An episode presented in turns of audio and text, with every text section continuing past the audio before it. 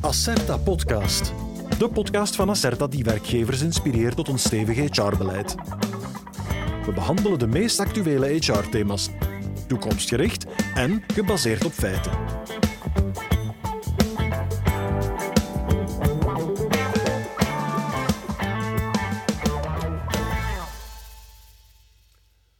Assessments worden vaak ingezet tijdens het selectie- en recruteringsproces, maar welke rol kunnen ze spelen bij het creëren van duurzame loopbanen? Acerta en de KU Leuven deden een panelbevraging om de noden voor de toekomst in kaart te brengen. Ik ben Jan Rummes, uh, host, gastheer van deze podcast en ik zit vandaag samen met professor Rijn de Kooman arbeids- en organisatiepsychologe aan de KU Leuven. Hartelijk welkom. En Martijn Looyes, senior consultant en assessment expert bij Acerta Consult. Martijn, hartelijk welkom. En daarmee heb ik eigenlijk al iets gedaan wat ik niet mag. Mag ik Martijn zeggen? Uiteraard. En professor, mag ik Rijn zeggen? Jawel. Oké. Martijn, bij jou beginnen. Zou je misschien even kort kunnen uitleggen wat een assessment eigenlijk is?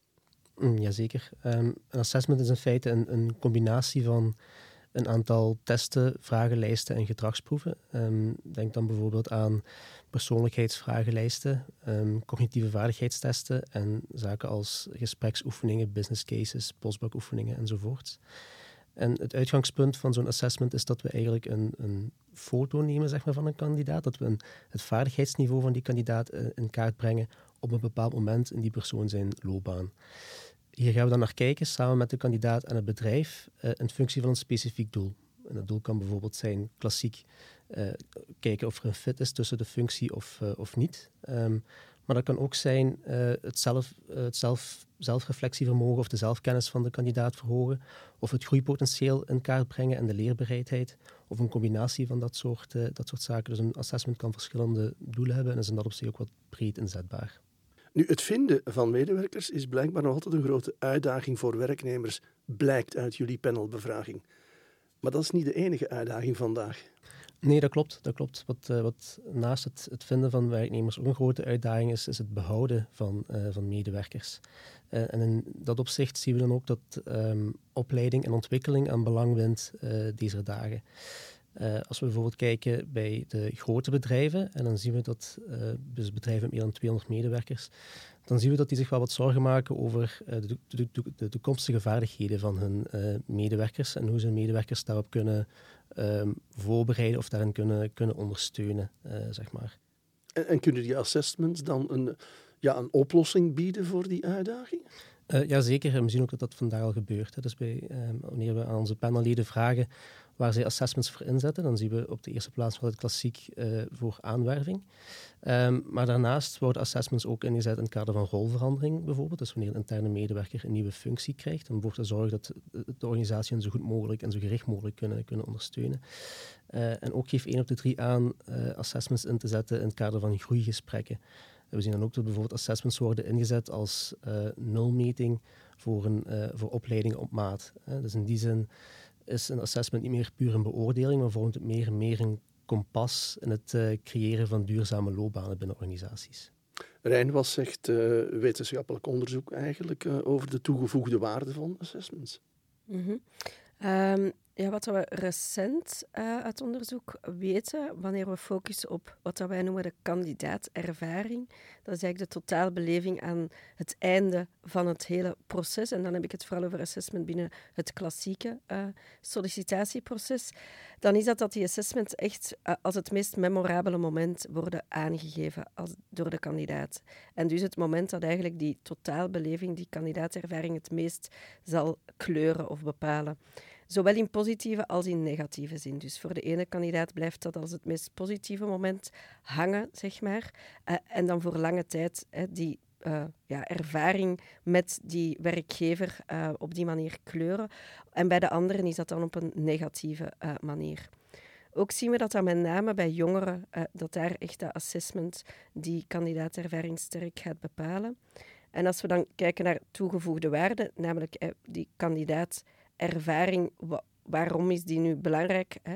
Dan zien we dat dat zowel voor de werkgever van belang is, omdat dat sterk het imago zal uh, bepalen, Uh, maar dat het ook echt voor de kandidaat zelf van belang is, naar mate van um, zelfvertrouwen bijvoorbeeld en, en ja, eigen uh, vertrouwen in het verdere solliciteren. Dus assessment belangrijk en ook voor degene die niet eh, aangeworven wordt uiteindelijk. Degene die het proces doorloopt, maar dan eigenlijk afgewezen wordt. Ook daar is de toegevoegde waarde, zowel positief als negatief, uh, wel uh, beduidend. Omdat hij toch iets meeneemt. Mm -hmm. ja. Die ervaring, is dat het belangrijkste aspect van een assessment of zijn er nog zo? Um, wel ja, die ervaring is een beetje uh, alles wat blijft hangen. Dus in die zin ja, ja, wordt dat gevoed door alle elementen. Wat dan, uh, als u doelt naar wat zijn dan de positieve dingen die blijven hangen en de negatieve dingen. Wanneer wordt het een positief moment? Dat is wanneer dan mensen het gevoel hebben dat er een grondige nabespreking gebeurd is van alles wat zij doorlopen hebben. En dat ze er dus ook zelf echt iets aan gehad hebben. En dus die leeroriëntatie waar Martijn het over heeft. Uh, en wanneer wordt het dan uh, langs de andere kant eerder een negatief moment? Dat is wanneer dat ze het gevoel hebben dat er onvoldoende instructie was of dat ze de relevantie niet zien uh, van de test die ze doorlopen hebben in functie van de job waar ze voor solliciteerden. En dat noemen wij dan de face validity. Hè. Zien ze de reden waarom dat ze die dingen hebben doorlopen. En dus wanneer dat er, er niet is, dan uh, hebben we net niet dat zelfvertrouwen, maar eerder ja, minderwaardigheidsgevoelens die achterblijven. Of waar mensen mee blijven zitten. Uh, maar zelfs ook wat boosheid en frustratie. Want ja, je vraagt wel veel van, van een persoon in zo'n assessment, uiteraard. Uh, Martijn, in de praktijk willen bedrijven een helder antwoord op de vraag of een kandidaat nu al dan niet geschikt is voor een job. Is dat dan het uiteindelijke doel van een assessment? We hebben onze panelleden gevraagd waarin zij de belangrijkste rol van een assessment uh, zien. En dan komt op de eerste plaats, ook heel klassiek, daarvoor dat ze graag een helder advies willen. Hè. Uh, iemand is wel of niet geschikt voor een bepaalde functie. Uh, maar daarnaast zien we dat bedrijven het ook belangrijk vinden dat een assessment het huidige vaardigheidsniveau van een kandidaat in kaart brengt, als ook de voorwaarden die nodig zijn um, om met een kandidaat tot een duurzame groei te komen binnen het, binnen het bedrijf. Ik denk dat dat bij de huidige arbeidsmarkt ook, ook normaal is. Er is arbeidskrapte. Uh, bedrijven vinden niet meer uh, het, schaap met de vijf poten, zeg maar. En, en uh, maken eigenlijk een, een, een, mindsetverandering van iemand zoeken die, die alles kent, naar iemand zoeken die alles kan, kan leren, zeg maar. En dat zien we dan ook terug bij, het, bij, bij de rol van het assessment. Dus de, het assessment die nog altijd dat adviserende rol, dus dat, dat, die beoordelende rol, maar die rol die um, krijgt minder en minder belang. En meer en meer komt de nadruk op die uh, ontwikkeling en, en, die leerbereidheid van, uh, van medewerkers. En uh, wanneer je gaat kijken naar de terminologie die gebruikt wordt binnen het assessment gebeuren, dan zie je dat ook terug. Dus we, we gebruiken minder en minder die term assessment center. En meer en meer zien we termen terugkomen zoals development center, talent scan, leadership traject, omdat dat veel meer de, de lading of het doel van het assessment dekt, zeg maar. Bedrijven vinden het belangrijk dat een assessment een objectieve meting is van competenties en redeneervermogen, maar ook bijvoorbeeld van leerbereidheid. Maar valt dat wel objectief te meten?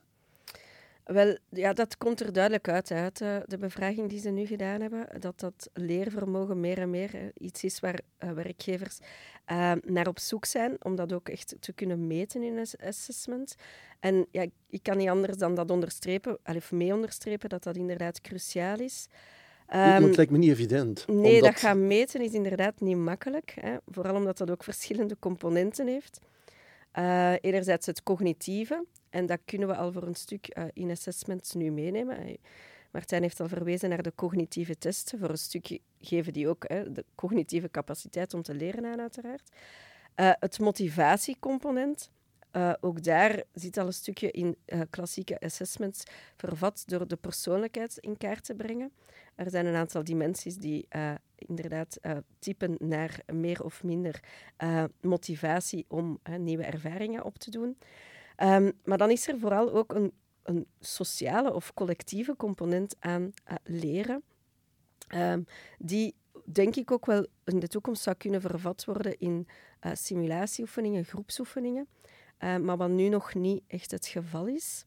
Uh, dus objectief ja, maar door eigenlijk verschillende vormen van metingen te gaan combineren, uh, zou ik zeggen. En uiteraard is er ook onderzoek naar hersenscans en het in kaart brengen en, en neurologisch van leren. Ook dat is uiteraard ja, misschien een toekomstige optie, maar zeker in het licht van de kandidaatervaring zou ik daar toch niet onmiddellijk uh, voor pleiten. voorlopig nog niet naar de scanner. Ja.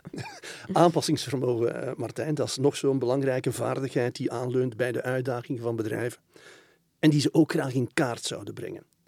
Maar ook daar de vraag, is aanpassingsvermogen, is dat meetbaar? Ja, klopt. Dus 96% van onze uh, panelleden geeft aan dat aanpassingsvermogen voor hen belangrijk is om mee te nemen in een assessment.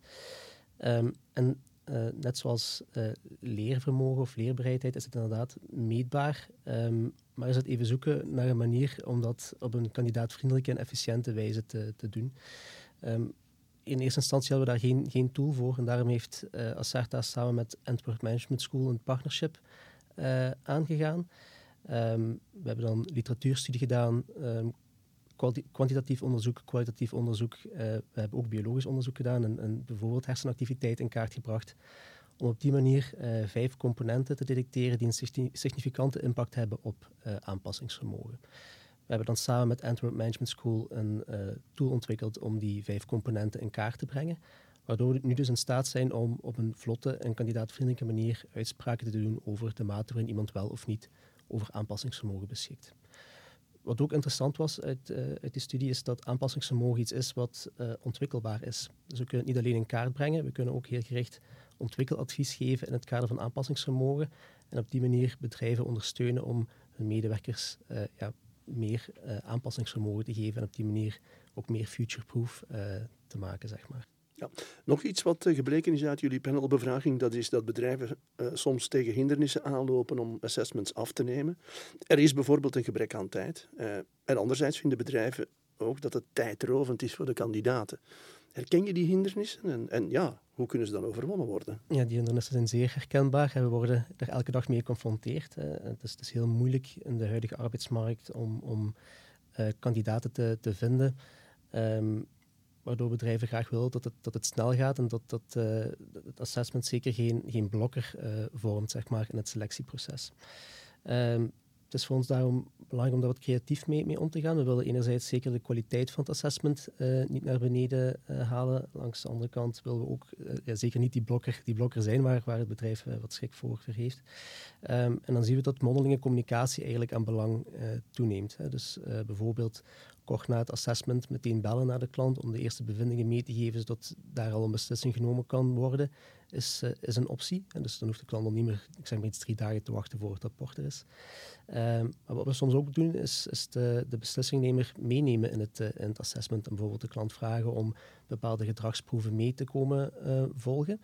Um, dat heeft als voordeel dat het advies van de assessor makkelijker en sneller geplaatst kan worden. En omdat de, de klant en de kandidaat eigenlijk op hetzelfde moment op dezelfde locatie zijn, kan er na het assessment ook meteen nog een extra selectiestap toegevoegd worden, zoals bijvoorbeeld een, een eindgesprek. Um, dat dan wat in te spelen op die snelheid. Daarnaast, uh, zoals u zei, ja, mag het ook geen um, is die kandidaatbeleving ook belangrijk en mag niet ervaren worden door de kandidaat als tijdrovend. Uh, en in die zin um, zien we ook dat, dat de kandidaat meer en meer aan het, aan het stuur komt en dat we de kandidaat meer en meer gaan benaderen als een als een consument, zeg maar, en dat er ook iets voor hun moet, uh, moet inzitten. Um, en daarom merken we nu ook dat assessments meer en meer een, een leermoment dienen te worden voor, uh, voor, een, voor een kandidaat. En het sluit ook aan wat, wat Rijn daarnet, uh, daarnet zei.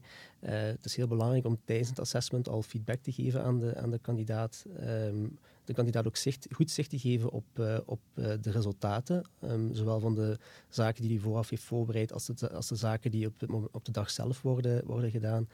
Um, zodat het rapport achteraf ook geen verrassing uh, is, enerzijds. En ook wanneer de kandidaat dan met, de, met, de, met het bedrijf terug in gesprek gaat, dat hij ook een goed zicht heeft op ja, welke ondersteuning heb ik eigenlijk precies nodig en hoe wil ik voor mezelf dat die, rol wordt, uh, wordt die nieuwe rol wordt, uh, wordt ingevuld. Ja, en daarmee hebben jullie eigenlijk al allebei aangegeven dat die terugkoppeling naar de kandidaat enorm belangrijk is.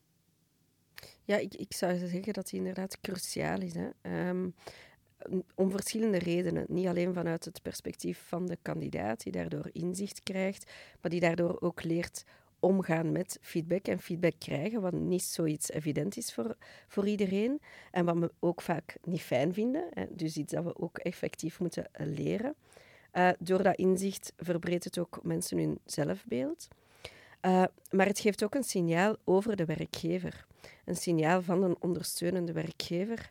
Uh, iets dat, uh, zoals onlangs nog uit andere bevragingen kwam, echt niet onderschat mag en kan worden.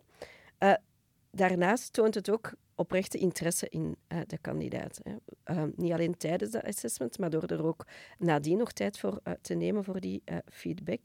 En draagt het voor de kandidaat bij tot wat wij noemen informationele rechtvaardigheid. Het is niet alleen belangrijk dat je je goed voelt bij de beslissing die genomen is over jou, maar ook de manier waarop die beslissing genomen is en de manier waarop, waarover daarover gecommuniceerd wordt. over die, je voelt je een beetje gerespecteerd. Ja, ja, absoluut, absoluut. En dat is niet alleen belangrijk voor mensen die aangeworven worden en eens werknemer zijn, uiteraard, maar dat is dus eigenlijk ook al in die eerste fase belangrijk. En dus ook voor niet-aangeworvenen. Wat dus gelukkig hè, meer en meer wordt erkend ook door uh, werkgevers. En ik zou zelfs nog een stapje verder willen gaan en niet alleen zeggen dat dat voor de werkgever en de kandidaat belangrijk is, maar eigenlijk ook voor de bredere maatschappij. We willen mensen die duurzaam inzetbaar zijn, we willen mensen die um, zelfinzicht krijgen, die bijleren. En ja, dan kan dat een belangrijk element zijn daarin die gaan niet teleurgesteld zijn. Die gaan natuurlijk een beetje ontgoocheld zijn, maar die gaan sterker gewapend naar hun volgende ja, misschien beter ontdekken waar dat ze uh, nog allemaal terecht kunnen en, wat hun competenties zijn. Uh, we willen meer mobiliteit op de arbeidsmarkt. Wel, assessments kunnen daar een belangrijke factor in zijn om mensen inderdaad inzicht te geven uh, en niet te wachten tot mensen afhaken en loopbaanbegeleiding moeten gaan volgen en dergelijke, waar zelfde soorten instrumenten ingezet worden. Oké. Ehm, digitaliseren en automatiseren van processen, Martijn, dat is ook zo'n manier voor bedrijven om tijd te winnen. Mm zullen die aan belang winnen in het assessment uh, gebeuren? Ja, dat, dat blijkt ook uit onze panelbevraging, dat maar liefst 6 op de 10 bedrijven aangeeft dat dat iets is wat een belang zal toenemen naar de toekomst, digitale assessments. Ja, inderdaad. Uh, als we ook verder inzoomen op die digitalisering, dan zien we ook wel uh, nut of, of, of, of um, dat, dat het een positieve rol kan spelen, bijvoorbeeld in het kader van, van dashboarding en rapportering. Uh, en ook om assessments meer flexibel en hybride uh, in te organiseren. Nu, daarnaast denk ik ook, we hebben het straks al over face validity, dat het belangrijk is um, voor assessments om, om mee te gaan in, die digitalisering, om ook te kunnen voldoen aan de, aan de complexiteit van de hedendaagse werkvloer. Dus de tijd van pen en papier ligt wat achter ons. Um, deelnemers zijn doorgaans gewoon om met, met computer en laptop te werken. En als je dan bijvoorbeeld een, postbakoefening uh, aanbiedt in de vorm van een stapel papier en een papieren agenda, dat, dat voelt niet meer aan alsof dat van, van, deze, tijd, uh, van deze tijd is. Dus het is wel belangrijk om ook daar stappen in, in te zetten. Langs de andere kant dienen we ook over te waken dat we daar niet te ver in, in gaan. Dus digitaal wil niet zeggen bijvoorbeeld dat we alles online moeten doen. Um, we merken namelijk dat als we zaken online doen, dat het veel moeilijker is om alle non-verbale communicatie mee te pakken. Um, onderzoek heeft ook aangetoond dat oogcontact maken online heel moeilijk is, zeker wanneer je met meerdere mensen in een, uh, in een meeting uh, zit. Um, en op die manier is het ook niet evident voor een assessor om echt in verbinding te treden met een kandidaat en een veilige leercontext te, te, creëren. Wat we net al hebben aangegeven, dat ook cruciaal is in die, in die kandidaatbeleving. Uh, dus wij kiezen bij Acerta eigenlijk voor een ja, human-digital benadering, waarbij we enerzijds inzetten op digitalisering, maar anderzijds ook dat menselijke aspect niet uit het oog verliezen en op die manier dus ook kandidaten zoveel mogelijk uitnodigen om de interactieve oefening op zijn minst op, uh, op kantoor te komen doen. Ja, welke voor- en nadelen voel jij en zie jij bij dat uh, digitaliseren van dat proces? Ja, ja, ik sluit mij sterk aan bij wat Martijn zegt. Ik zou ook pleiten voor een slimme combinatie, uh, waar de voordelen van digitalisering kunnen liggen in inclusiviteit, meer diversiteit, meer mensen de kans geven om um, te kunnen deelnemen aan die assessments. En ook de flexibiliteit om dat dan te doen op momenten die hen uh, beter passen. En, en, daardoor ook geografisch misschien uh, verder te kunnen gaan. Maar wat dat toch wel echt een gevaar kan zijn, is wanneer er um, vergelijkingen gemaakt worden tussen mensen die op verschillende manieren geassessed of getest zijn. Als je iemand uh, die digitaal uh, getest is, gaat vergelijken met iemand die op een, ja, in fysiek contact getest is, dan is dat toch wel eigenlijk een, een ja, een uh, ongelijke vergelijking, zeg maar. Uh, omdat je die dingen uh, als die non-verbale cues gaat missen. Maar ook voor de kandidaat zelf, die is wel echt vragende partij om op de vloer te komen, om in echt contact te treden met mensen. Dus ja, maar in combinatie. en dan ja, liefst een, een slimme combinatie waar de voordelen van beide kunnen benut worden. Ja, doen jullie dat zelf trouwens ook bij Acerta? Dat digitale proces al toepassen bij assessment? Ja, inderdaad, we hebben er al heel wat stappen in, uh, in gezet. Uh, in eerste instantie hebben wij al onze uh, interactieve oefeningen vernieuwd, zodat die ook wat meer aansluiten bij de complexiteit van de hedendaagse werkvloer. Ik denk dan aan onze postbakoefeningen, onze rollenspelen, onze business cases. en daarnaast hebben we ook een, een platform ontwikkeld waarin die zaken digitaal kunnen worden afgenomen. Dus kandidaten kunnen dan inloggen op dat platform. Die zien hun, hun dagprogramma, hun journey, eh, zeg maar. Dus die weten wat er wanneer van hun uh, verwacht wordt. Uh, en die kunnen dan vervolgens bijvoorbeeld een, een, een postbakoefening in een gamified context uh, afnemen. Dus die krijgen effectief een, een soort van Outlook-omgeving met een, met een interactieve mailbox, een interactieve agenda, die veel meer aansluit bij hoe we vandaag de dag werken. En we zien dan ook met de feedback die we daarop krijgen, dat, het veel meer, ja, dat die face validity veel hoger ligt nu. Uh, wat, wel, wat wel blijft bij ons is dat de, de, de nabespreking bijvoorbeeld van die postbakoefening en, en de interactie met de assessor, uh, zoals we net al hebben aangehaald, die, die blijft dan wel face-to-face, -face, uh, indien mogelijk. Is dat hoe assessment 2.0 er dan uitziet, Rijn? Wel ja, ik denk dat er heel wat belangrijke elementen hier aan bod komen die deel kunnen uitmaken van die assessment 2.0. Um, waar dat we een beetje naar balans uh, streven tussen bijleren en testen, tussen fysiek en digitaal. Uh, en inderdaad, de, de klemtoon komt te liggen op ontwikkeling en de verdere loopbaan en niet enkel die ene stap die dan wel of niet gezet wordt. En daar ga jij in mee, in dat verhaal? Ik sluit me daarbij aan. Voor mij is Assessment 2.0, het zijn een aantal zaken. Dat is de, de, de shift enerzijds van het um, beoordelende karakter van assessment naar uh, meer waarderende, talentgerichte en ontwikkelingsgerichte uh, benadering. Um, daarnaast is het dan het, digitale, van, van, van papier en analoog naar, naar een digitale uh, context. en ook het derde aspect voor mijn Assessment 2.0 is dat talent aan het stuur. die, die kandidaat als consument en, inzet op, de, op, een, op een positieve leerbeleving van een kandidaat. Dat is voor mij Assessment 2.0. Ja, heb jij nog een laatste boodschap voor de luisteraars of kijkers van deze, deze podcast? Iets, uh, iets besluitends? -hmm. Ja, ik zou zeggen, het begint nog maar bij dat assessment natuurlijk. Hè. Uh, de onboarding is de volgende fase, misschien de volgende podcast dan ook. want dan komt die kandidaat, hè, wordt die werknemer en, en, en komt hij toe. Dan krijgt hij zijn instapkaart. Ja, en, dat, en vergeet dan dat assessment niet, want daar is zoveel rijke informatie verzameld waar dan verder mee aan de slag kan gegaan worden. En dat is iets dan denk ik nog niet zo vaak gebeurt. Uh, maar dus dat kan echt uh, de link leggen tussen heel wat andere HR-praktijken die dan uh, starten. Ik wil misschien al een beetje vooruitkijken naar Assessments 3.0. Hola! Ja, ja, ja. Uh, omdat, dat gaan we zelf niet meer meemaken, Martijn. ja, pas op, het is, toch, het is toch al zeer dichtbij, omdat die Assessments 2.0 wordt eigenlijk nu al toegepast. Of ah, dat, er nu al in, ja, dat er nu al stappen in worden, worden gezet. Uh, en door die digitalisering zijn we ook veel meer data aan het verzamelen rond wat, wat effectief is, wat werkt en, en, en wat niet, en hoe beslissingen genomen worden. En verwacht wordt dat in de toekomst ook dat allemaal meer geautomatiseerd gaat worden. Dus die rol van assessor, die klassiek uh, de rol van een beoordelaar is, zeg maar, die gaat meer de rol worden van een, iemand die resultaten interpreteert en die bedrijven en kandidaten coacht en begeleidt naar die duurzame loopbaan, uh, loopbaanpaden. Uh, dus we gaan veel meer in dat besluitvormingsproces, naar die objectiviteit en neutraliteit, afhankelijk worden zeg maar, van technologie. Um, ik ben wel heel erg benieuwd wat dat gaat geven naar, naar de toekomst toe. Oké, okay, Rijn, Martijn, bedankt voor jullie komst naar de studio en uh, voor jullie uh, heel helder uitleg. Uh, en u wil je als bedrijf met assessments aan de slag gaan, surf dan naar acerta.be slash assessments. En wil je graag op de hoogte blijven van de laatste HR-trends, word dan lid van het onderzoekspanel van Acerta via acerta.be slash onderzoekspanel. Tot de volgende. Dit was Acerta Podcast. Abonneer je op de Acerta Podcast voor meer interessante inzichten in nog meer actuele HR-issues of bezoek onze website acerta.be.